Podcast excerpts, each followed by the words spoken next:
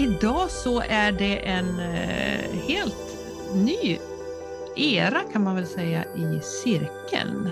Idag så har jag den första manliga gästen här i podden. Och det ska bli så kul, för ämnet som vi ska prata om, eh, det är någonting som jag tycker är både fascinerande och eh, någonting som jag vill lära mig därför så har jag bjudit hit Magnus Palm. Och jag frågade honom hur han ville presentera sig och då tänkte jag kanske att han skulle säga att han var någon sån här titel eller någonting sånt där.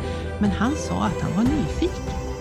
Och det tycker jag var en bra utgångspunkt för den här, det här samtalet om drömmar. Så håll i dig nu så åker vi. Välkommen till cirkeln Magnus. Tack så mycket. Vad kul. Jättekul. Och dagens samtalsämne det är drömmar.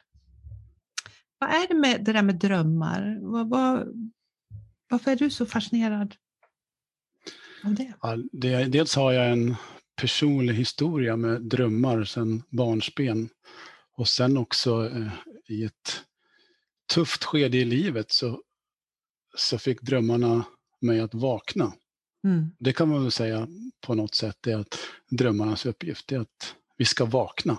Vi ska vakna. Till, vakna till medvetenhet. Mm. Eller många drömmar i alla fall. Och om du skulle få lägga till någonting mer än nyfiken i din presentation, vad, vad skulle det vara? Ja, ja, nyfiken, eh, naturälskande, intresserad av medvetandet. Jag tror ju att vi är medvetande. Att vi, och där ska vi utforska den här världen, men också oss själva i medvetandet. Mm. Mm.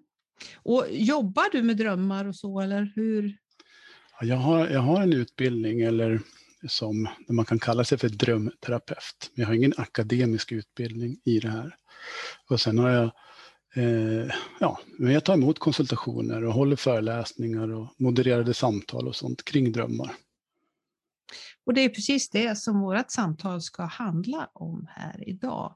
Och när vi förberedde oss inför det där, eller rättare sagt när jag förberedde mig inför det här så, så funderade vi naturligt, eller jag funderade på det här, vad har drömmar, vad är drömmar egentligen och vad har drömmar för betydelse i vårt liv? Vilken ände ska vi börja i? För drömmar är ju ett stort område.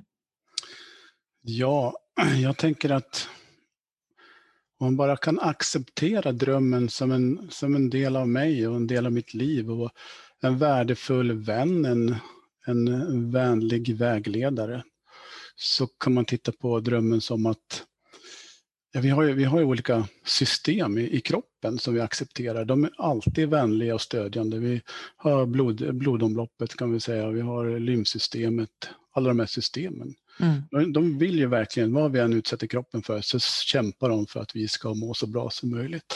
Men man skulle kunna säga att drömvärlden, drömtiden skulle kunna vara andens, själens, psykets system liksom för att medvetandegöra saker och få mer insikter och mer tillgång till vår potential.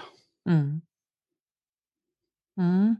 Du, du sa någonting tidigare också när vi pratade om det här att vi byter perspektiv. Det tyckte jag var lite spännande. Ja, vi är så ibland så upptagna med, i varje fall jag, med att jag känner på vissa sätt inför vissa saker. Och, men drömmen kan få mig att se den här situationen i en annan miljö. Och då kan jag få distans till den och sen kanske jag kan se mig själv i det här och hitta en väg ut, eller i alla fall en förståelse för mig själv i det här. Mm. Mm. Så jag kan få känslornas perspektiv och jag kan få de fysiska tingens perspektiv. Det är olika saker. Mm. Eh, och det här att, att vi drömmer, vad jag förstår så drömmer vi ju allihopa. Ja, det jag har läst eh, om det vetenskapen säger så drömmer alla. Och vi drömmer i perioder och på olika nivåer. Mm. Så att det är, när vi säger att vi inte kommer ihåg våra drömmar så är det verkligen det, vi kommer inte ihåg dem. Det är inte att vi inte drömmer. Nej. Men där finns det ju tips och tricks för att komma ihåg sina drömmar. Mm. Mm. Ja, för, för det var inför det här avsnittet då, eller för någon vecka sedan här så la jag ut ett inlägg på, på mitt Instagramkonto, Kicki Westerberg, att eh, där jag ville höra med människor vad de hade för drömmar och då fick vi många sådana kommentarer just att nej, men jag kommer inte ihåg vad jag drömmer och sådär. Men du menar att det är någonting som man kan träna sig? Ja, men om man tittar på idag, vi drar en väldigt märklig liknelse. Det är, eh, vinterbadande till exempel. Det är många som vill vinterbada just nu. Men eh, för några år sedan var det inte lika många. Det vill säga mm. att vi har fått upp i medvetandet att det, det här kanske är bra, det verkar roligt. Och tittar man på drömmandet och användandet av drömmar kulturellt sett så har inte det varit det vanligaste, i varje fall inte i våran västerländska del. Det var, inte, det var ingen som kanske frågade dig när du var liten, har du drömt? Och talade om att det här kan vara värdefullt. Så vi mm. har inte riktigt kvar den präglingen. Ja, men, mm. men genom att medvetandegöra och tänka sig, ja, drömmen är någon som vill hjälpa mig. Den är till för mig. Den kommer kanske från min själ och vill säga någonting om min vardag eller mitt liv som kan göra mig starkare, gladare eller förstå saker bättre. Mm. Att det där har jag inom mig. Som en, dels som en högre vägledning men också som en tentakel eller tentakler ut i världen. Mm. Då blir det mer spännande. Så, Åh, är det där? Har jag det? Är det en del av mig? Och, och man kan på något sätt, man behöver inte acceptera det, man kan välja det som en möjlighet och känna lite då förundran inför det här. Ja, mm. då är det lättare för drömmarna att komma igenom. Mm. Ja, häftigt. Mm. Så när vi väl kommer ihåg då våra drömmar, vad gör vi med dem sen då? Ja, och då är ju det här, jag fortsätter på trixet, det är ju det att ha en penna och papper vid sängen och skriva, mm. skriva ner dem. Och då behöver man inte tänka så här att oj, jag måste få ner hela den här långa drömmen. Om man har en lång dröm, alla har inte det. Alla, man kanske bara har korta sekvenser. Man kan skriva ner det som känns viktigast. Man kan skriva ner stolpar. Och så kan man utgå från det och, och man kan också notera hur man kände i drömmen. Mm. Sen är ju nästa steg då, det, det, är att känna in på det här. För där, här kommer ju intuitionen in lite grann. Mm. För man kan gå, det finns så många sätt att, att möta drömkunskapen, liksom, använda den. Men ett sätt är att eh, känna att de här känslorna hade jag i drömmen. Mm. Och så kan man till exempel koppla bort hela scenariot i drömmen och känna, men var i livet har jag de här känslorna någonstans? Jaha, det, jag känner, um, om jag känner att jag, det kanske går från att jag är, um, jag känner mig glad, nyfiken och sen så kommer jag in i en sekvens i drömmen där jag blir förvånad och sen känner jag mig lite besviken och sen blir jag arg. Mm. Ja, så om du kopplar bort själva drömscenariot där och så går på känslorna, var i livet hade du det här senast någonstans? Eller var brukar det här uppstå? Mm. Då, aha, just det, det här vill komma upp i mitt medvetande. Det här är någonting som jag behöver titta på. Mm. Mm. Så genom att ta de känslor som uppstår? Ja, det är absolut en väg. Ja. Men sen kan mm. du också titta på de här som vi kallar för drömsymboler. Mm. Och, då... och drömsymboler, om du, om du förklarar lite grann hur du tänker där. Är det olika saker eller scenarion eller vad, vad ska vi... Ja, det, jag skulle säga så här, det finns ju ingen absolut sanning i det här, utan här kan man bara testa olika vägar och ta, ja, ta hjälp från olika håll för att förstå drömmen. Men man kan titta på, om man ska titta på en enskild symbol till exempel. Mm. Eller jag kan ta ett exempel från mitt liv om jag får. Mm, jättebra. Så eh, för ganska länge sedan hade jag en serie drömmar som handlade om vampyrer. Mm. Jag var lite yngre då. Mm. Så jag tyckte att det var lite häftigt att drömma om vampy vampyrer. Men eh, jag, jag, gjorde inte så mycket med den här drömmen. Men ett typiskt scenario det var att jag, Eh, jag kunde komma in i källaren på en bar, gå fram till bardisken och sen eh, titta runt i lokalen och så ser jag att ah, där står en vampyr. Och där sitter en till. Och så förstod jag direkt att nej, men de här vampyrerna, om en halvtimme så kommer de stänga igen här och sen så kommer de och, skörda. De kommer liksom att ta alla människor här inne. Men eftersom de inte vet att jag vet så kunde jag smyga ut liksom. Mm. Och, och jag, så då, då, då, blir det ju vampyr till exempel. Mm. Då blir det en drömsymbol. Och då kan mm. man titta på funktionen på en vampyr. Vad gör en vampyr? Vad skulle ja. du säga? Ja, den, den suger ju. Den suger ju blod. Ja, och primärt, men även energi kanske? Ja, exakt. Men då, då kom din associationsförmåga. Den, den, du tittar på vampyren, den suger blod, ja, blod är energi. Mm. Men om man skulle ha det där perspektivet då att, tänk om att jag är alltid drömmen. Mm. Det som pågår i drömmen speglar mitt inre landskap. Det vill säga att jag själv tittar på mig själv, men jag kan inte se mig i min vardag, så jag behöver måla upp en värld. Mm. Jag skulle kunna bygga en teaterscen och spela ett spel där. Då är alla eh, aktörerna jag, utvalda av mig. Landskapet är utvalt av mig. Och det är mm. jag som har satt skådespelet. Det är ett sätt att förklara liksom det här scenariot som uppstår i drömmen. Mm. Så om den där vampyren är jag mm.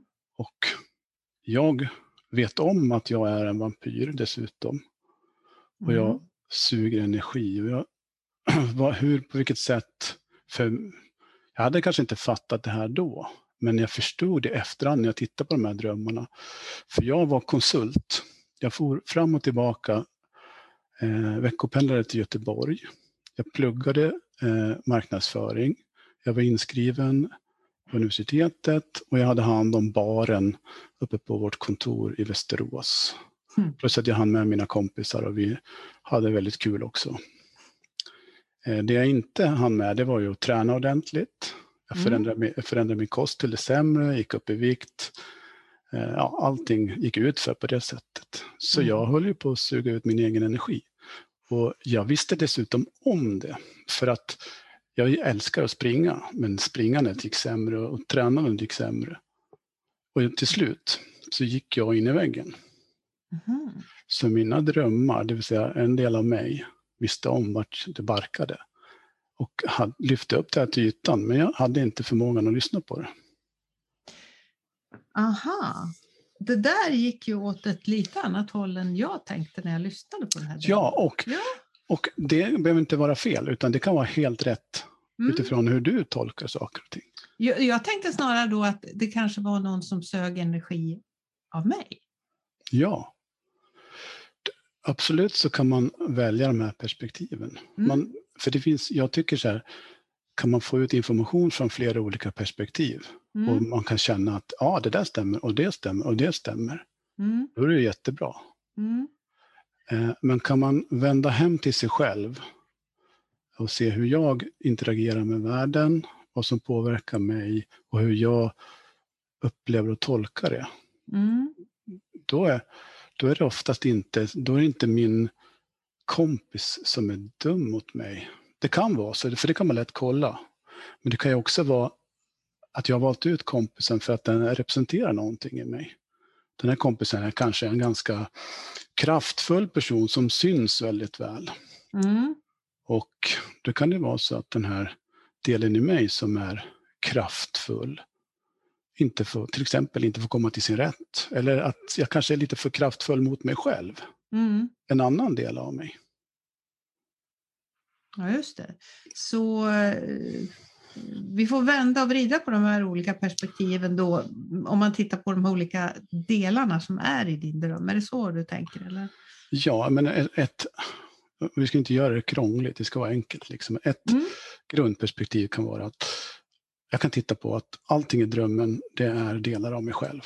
Mm. Så det, det, är mitt inre landskap, mina känslor och hur jag hanterar mina relationer med andra människor och hur de påverkar mig och hur det känns i mitt liv. Det är det som spelas ut i den här drömmen. Mm. Mm. Det är ett sätt att titta på. Men sen kan det givetvis vara att min kompis då är, eh, vi har en relation som vi behöver jobba på. Ja, just det. Mm. Men, det men det är oftast inte min kompis som behöver jobba, utan det är jag som behöver jobba med hur jag tar emot den här Mm. relationen. När det här, om jag tittar i det här inlägget som, som jag skrev, där vi fick en himla massa kommentarer, för folk tyckte att det var spännande. Dels så pratade vi om det här med drömma kontra att dagdrömma. Ja, Vad, finns det någon, någon sammanhang där mellan att dagdrömma och att drömma? ja, sammanhanget är ju att allting är del av medvetandet. Mm, Och då är frågan är ju hur medveten man är just i de här delarna. mm, Så eh, en del människor är alltid, ibland eller då och då mm, helt medvetna i sina nattdrömmar om att de drömmer. Så de, när de är inne i en drömsekvens vet de om att de drömmer.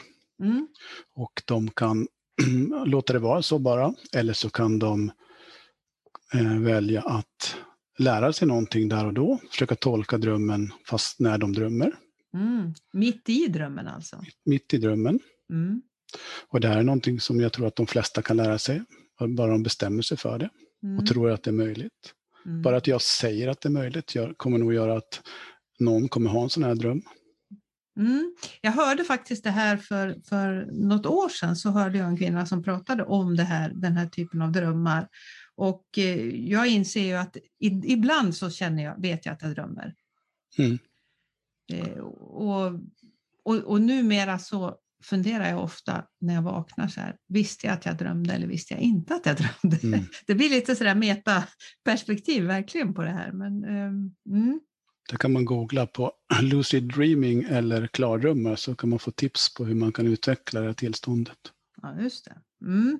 Ja, det var nog det vi pratade om Och- i det här fallet. Men, men dagdrömmar då, då, ja, det kan ju vara det att du medvetet eh, sitter och funderar på någonting och som du då vill utveckla eller du drömmer dig bort till eh, Azoren eller vart du nu vill eller till en miljö du tycker om eller Mm. ett projekt som du vill göra.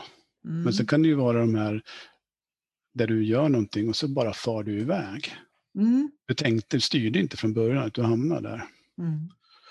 Så då är frågan, då kan man ju betrakta det som en nattdröm också. Varför hamnar jag där? Vad ville det säga mig? Mm. Hur kan jag använda den informationen?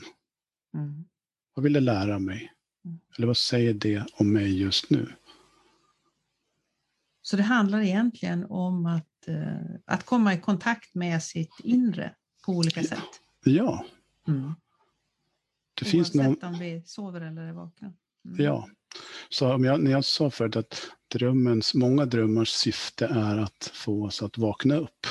Mm. Det vill säga eh, lära känna oss själv, förstå våra relationer, förstå hur vi mår inuti och sen ta ställning till det, att göra aktiva val för att må bättre eller eh, ta, ta steg i livet. Mm. Mm. Så det blir en paradox. Drömmarna ska få oss att vakna upp. Vakna. Den gillar jag. Ja, det, ja. Mm. ja. Så det, finns ju, det finns ju andra drömmar. Det finns ju drömmar som, är, eh, som har ren information, där du bara får precis det du behöver. Du inte behöver tolka det alls. Utan det är ganska klart och tydligt. Ja. Att, eh, ja. Och då kan, då kan det vara, jag menar det finns, jag har hört så många historier, men du kan få, någon har fått sprängskisser på sin motorn till sin moped. Någon har veta, fått reda på larmkoden till sitt jobb som den glömde bort för två år sedan. Och, Mm. eh, ja, någon har skrivit en del av sin avhandling i drömmen medvetet. Mm. Så det är en enorm kraft som finns här. Ja, eh, hur, hur kan vi börja och hur kan vi komma åt att, att börja jobba med våra drömmar? Har, har du något bra tips där? Hur vi kan komma igång? Ja, det- det, var ju det där med att Ja, det att skriva, ner. Skriva ner drömmen Mm, och sen mm. utifrån den antingen fundera själv, Mm. eh, och det kan vi komma med lite tips, eller, Mm. eller så ta, jag brukar säga hitta en vän som också är intresserad av drömmar. Och där ni har liksom ett tillåtande, en tillåtande atmosfär, atmosfär med varandra, en öppen atmosfär. Mm. Så eh, man brukar säga att om om jag ska tolka din dröm så, så kan jag ställa frågor till dig och försöka få dig att förstå din dröm utan att jag talar om för dig Och, och så hjälper dig att eh, ge dig lite ledtrådar, eller inte ledtrådar, men ja, vägar att gå. Mm. Så här, men när du kände så, eh, kan du känna igen den känslan? Eller om du ser en vampyr, vad är det för dig? Mm. Ja, precis. För det är ju lätt, det, det, handlar, det är ungefär som, som i vilken coaching som helst, det här att, att vi inte får lägga våran ja. värdering i, det är mycket i någon stark, annans dröm. Mm. Det är mycket starkare när poletten trillar ner av egen kraft än om mm. man... Eh, men sen kan det ju också, kan det också vara väldigt värdefullt, om du tolkar min dröm, att jag får höra din syn på drömmen. Och då brukar man säga att det här hjälper till ganska bra. Att när, jag berättar, när du berättar om, din, om min dröm så säger du utifrån ditt perspektiv, om det vore ditt liv. Mm.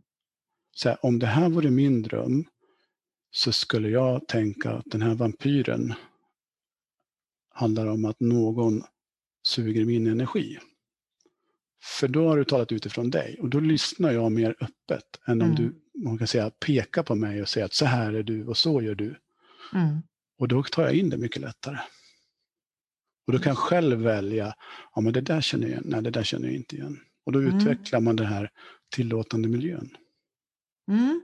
Ja, det var ett bra tips. Återkommande teman, återkommande drömmar. Vi har ju berört det lite grann och, och vi fick många. Det, det, är många som, som har drömmar som kommer tillbaka ja. i livet. Jag, jag, tänker att det här återkommande ordet, återkommande är nyckel. Liksom. Mm.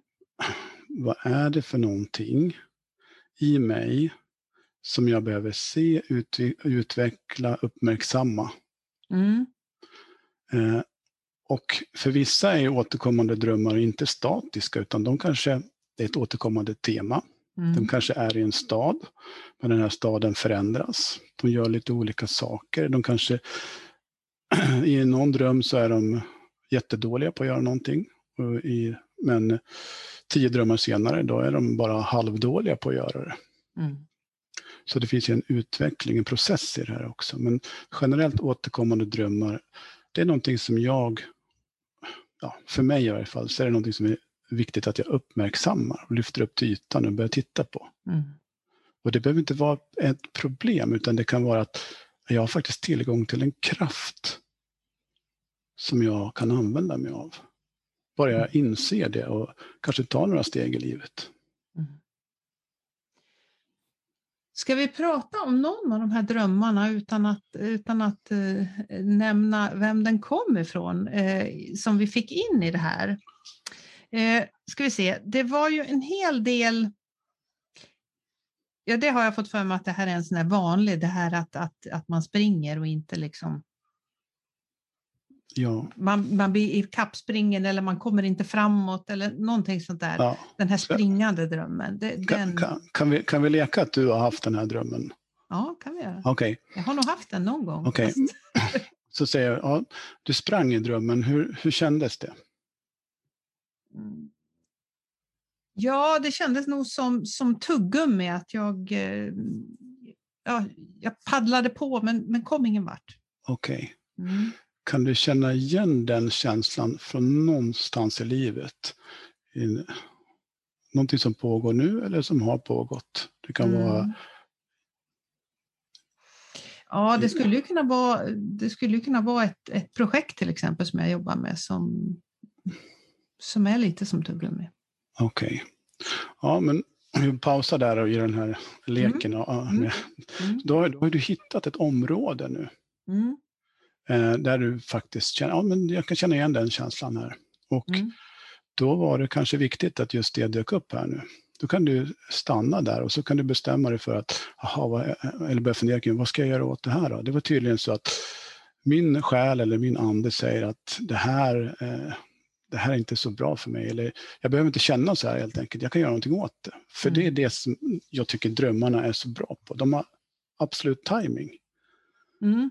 De kommer när jag är redo för dem. Även om det är en mardröm eller vad det nu är för någonting. Mm. Så är jag redo att ta itu med det som drömmen vill förmedla. Och har inte jag kraften och resursen, så kan jag lita på att den finns i min omgivning, bara jag frågar, sträcker ut en hand eller är öppen för det. Ja, just det. Mm. Mm. Men så tänker jag. Mm. Eh,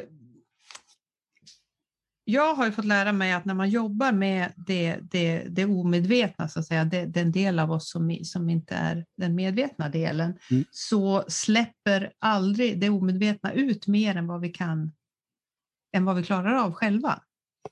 Är det någonting i den stilen Ja, som, som du menar? Mm. Absolut. Eller precis, den Det släpper ut. pyser ut liksom i, Ja. i omgångar, det som vi så att säga klarar av. Ja, det vi klarar av och det, det som är liksom vägen vidare. Mm.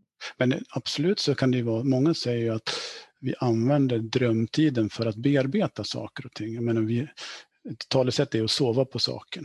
Mm. Så, men det kan ju bearbeta händelser som har varit jobbiga, både i närtid och för länge sedan. Mm. kan ju använda det till det, men vi kan ju också eh, lyfta upp de här sakerna och jobba med dem lite mer aktivt. Mm. Man måste inte drömtolka, men det är en, eller använda sina drömmar, men det är en väg framåt. Mm. Och i alla fall om man är nyfiken på det. Ja, jag tycker att det är jättespännande och vi fick ju väldigt många svar också. Och nu skulle jag ju faktiskt passa på, vilja passa på då att ta upp den här drömmen som, som jag kom på. Eh, och jag blev så himla glad för det var ju nämligen Milja och hon har ju varit med oss i avsnittet om tarot här. Eh, hon och jag har tydligen haft ungefär samma dröm. Och det här handlar om hissar. Det handlar också uh, om att, uh, och hon beskriver det som en återkommande mardröm och det tror jag nog att jag också tyckte att det här var. Jag drömmer inte det här, jag drömde det under hela min uppväxt, just det här att hissen, jag kliver på, jag kliver in i en hiss, hissen går iväg uppåt eller neråt, men den stannar aldrig där den ska. Mm. Och åker den uppåt så åkte den liksom uppåt ur, alltså den bara försvann uppåt i, i, i det blå och ibland då åkte den ner i bottenvåningen under, liksom, ner i underjorden. Mm. Den där drömmen hade tydligen följt Milja och den, hade, den, den var också väldigt, väldigt återkommande i hela Mm. min uppväxt. Det är en av de drömmar som jag kan säga att den där har jag haft Mm. mycket. Då, hur tänker du kring, så vad var det för känslor du hade i den, här drömmen, om vi går till din dröm? Eh, ja, frågan är vad det var för känslor. Jag tyckte ju att den här var väldigt obehaglig. Jag vaknade ju alltid väldigt sådär, ja, som man kan göra när man har drömt någonting Mm. obehagligt. Och, mm, ja, det kanske hade, handlade om kontroll på något vis. Okej. Och om du tänker tillbaka på den tiden och kontroll, var det någonstans i något skede i livet, i någon situation där du kände att du inte hade riktig kontroll eller till och med inte alls kontroll?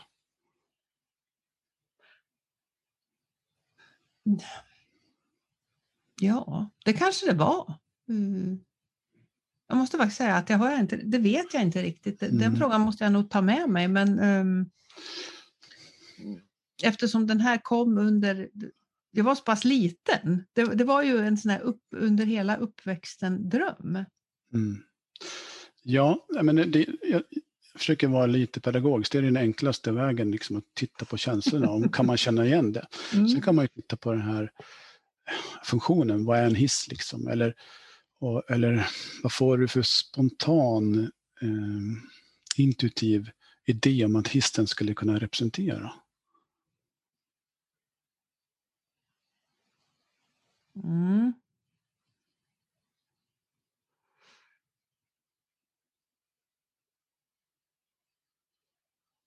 Ja, så rent spontant så tänker jag på, på det inre livet på något vis. Okej, ja, det inre livet. Mm. Det åker upp och åker ner. Mm. Det tar sig till ställen jag inte vill eller inte får stopp på det. Det åker ner i det under jorden. Mm. Det åker upp. Så där, där kan man ju liksom fundera på vad det är. Och skulle man titta på hissen, då, om jag bara kliver ur din dröm nu då, och Mm. ser, ser det på som en funktion eller en symbol. En hiss tar sig fraktar ju oss från olika eh, nivåer. Så det skulle ju kunna vara eh, mitt undermedvetna i källaren Det skulle kunna vara mitt övermedvetna, mitt högre jag där uppe. Hur jag försöker att eh, få balans i det här. Det kastas mellan de här olika sakerna. Jag får inte koll på det riktigt. Det är inte ovanligt. Oj. Och om den då stannar på ett speciellt ställe, liksom, eh, våning sju som jag läst här, så vad är sjuan för mig? Vad mm. står sjuan för? Jag kanske får en spontan, jag kanske har en relation till nummer sju. Mm. Det kanske var när jag var sju år. Det kanske var att jag har varit gift i sju år. Det kanske är vad som dyker upp för någonting. Det kanske är att jag, och jag tycker att det här är ett, ett magiskt tal eller det står för andlighet eller jag läser i en bok att ja, sju är det här. Så kan jag mm. utgå från det. Liksom. Varför stannar det där? Mm. Ja, nu, nu kanske vi fick lite svar, både, både Milja och jag. jag. Ja, det klickade saker in i mitt inre som, eh, som jag får ta med mig, tror jag. Och, och det är lite så det är, man måste mm. inte förstå allt. Så nu kommer du drömma igen. Och mm. då kanske du drömmer den här drömmen eh, utifrån att det medvetande du har just nu, den insikt du har fått. Då kanske den förändras. Eller så när du sitter och kör bil sen, då klickar det här bara till så har du det här perspektivet. Så häftigt. Jag, fick ett, jag har gått och funderat på en dröm i tre år, men när jag lyssnade Oj. på avsnittet med Kerstin Sörbom om aktiva val, ja. då klickade det till i mig på en gammal dröm som jag hade. Nej men vad kul!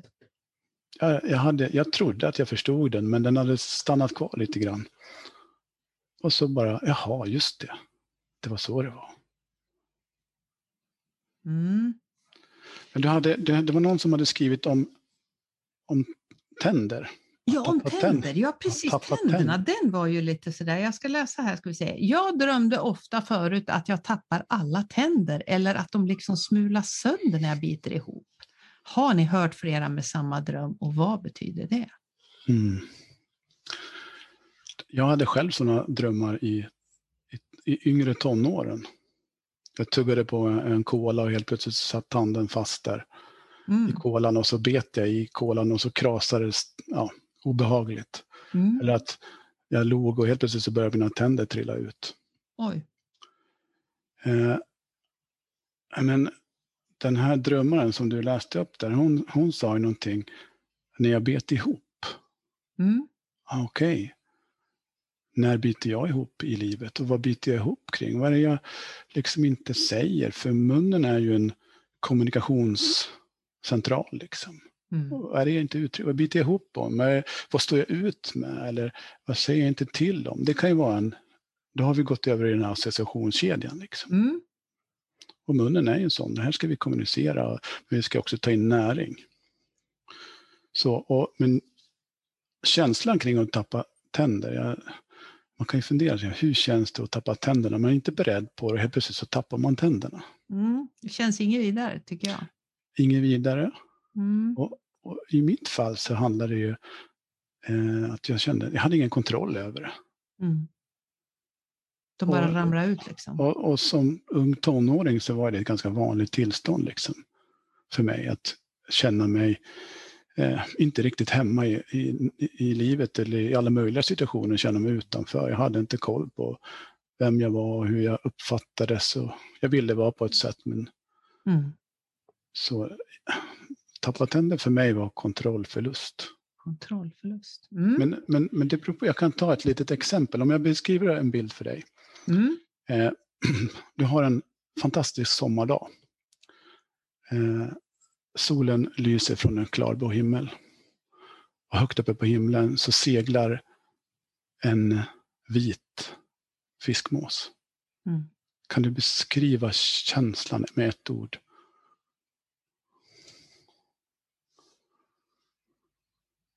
Frihet. Ja, det jag ska komma in på är att jag bodde eh, i Västerås ganska nära soptippen. ja. Så om vi, vi har alltså olika syn på, på symboler. Så vi behöver hämta dem från oss själva, men vi kan ta hjälp av andra. Och mm, vi människor, vi är ju ganska lika många gånger så att hus och bilar och sånt, det är sådana här symboler som man kan ta hjälp ifrån eh, drömböcker av från andra. Men man behöver också titta på sitt perspektiv. För de flesta skulle säga att den där bilden, den handlar om frihet. Mm. Men för mig så, det luktar från soptippen, eh, det är skrik och skrän. ja. Ja, just det. Och ja, ja, det var en bra liknelse. Eller liknelse, det var en bra, bra sak att komma ihåg, tänker jag. När... Ja, så, så återvänd till dig själv. Vad tycker du om den här symbolen? Mm. Vad, vad, får du för känsla? Vad associerar du till? Hur har du Mm. mött den? Mm.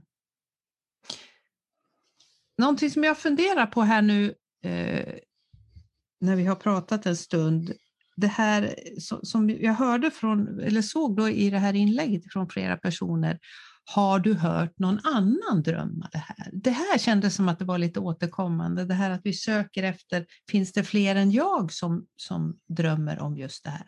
Mm. Jag, jag blir glad när du säger det för att jag tänker att det här delandet som vi gör med varandra, det, delande är helande. Mm. Dels, dels så släpper vi ut viktiga bitar inifrån. Vi, här, här, drömmarna har ju på något sätt anden, själen och psyket som vi vill komma ut. Och när vi pratar om sådana här saker, då, då har ofta andra människor liknande erfarenheter. Och så Mm. kan vi börja kommunicera på ett helt annat plan. Vi pratar om vilka vi egentligen är och vart vi egentligen ska som, som människa. Mm. Så ja, det är så. Jag, hade, jag, jag kan dra ett kort exempel från en föreläsning. Mm.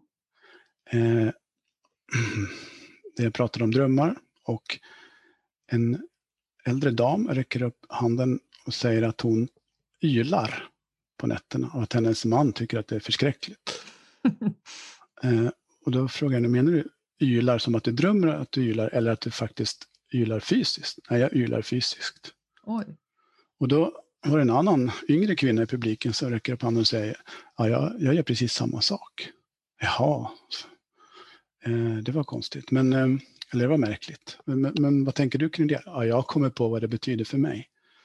Det är min inre kraft, det är min det här starka längtan efter frihet och stå stadigt i mig själv. Det är det det handlar om. Jaha.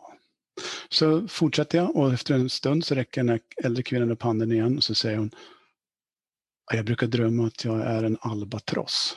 Jag seglar över haven. Och då skrattar den här kvinnan, i, äh, yngre kvinnan och säger Ja, det gör jag också.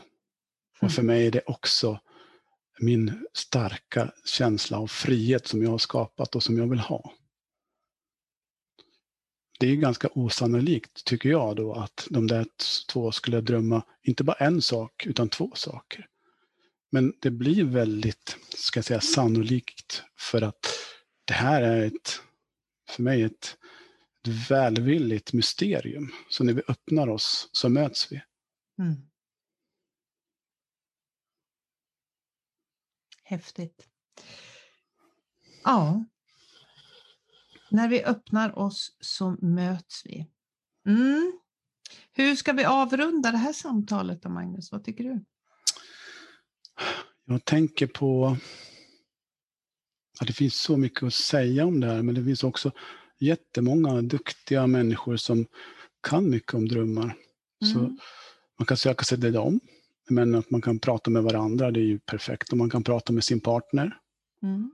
eller de nära vännerna runt omkring. Så skaffa en vän, dela, skriv ner din dröm. Tro på att drömmarna är viktiga för dig, om du vill det. Mm. Eh, bli inte, gå inte in i prestation, för att den här intuit, intuitiva världen, den, den mår inte bra av prestation. Utan om vi är nyfikna, tillåtande, så blir det lite grann som ett självspelande positiv. Liksom. Att det blir bara mer och mer intressant. Vi får mer och mer hjälp. Vi kan inte alltid bestämma varifrån hjälpen ska komma. Mm. Så nyfikenhet. Mm. Nyfikenhet. Och då tänker jag att då slutar vi där vi började med att du är nyfiken och att jag är nyfiken och att eh, det här samtalet har bara gjort mig ännu mer nyfiken på det här med drömmar. Tack så mycket. Tack för att du ville gästa mig. Ja, tack för att du har lyssnat. Eh, och är det så att du gillar det du hör så titta in till mig på Instagram. Där heter jag Kiki Westerberg. Du får jättegärna tagga mig i en story eller ett inlägg och tala om vad du tyckte om den här episoden. Sen hoppas jag att vi hörs nästa vecka igen.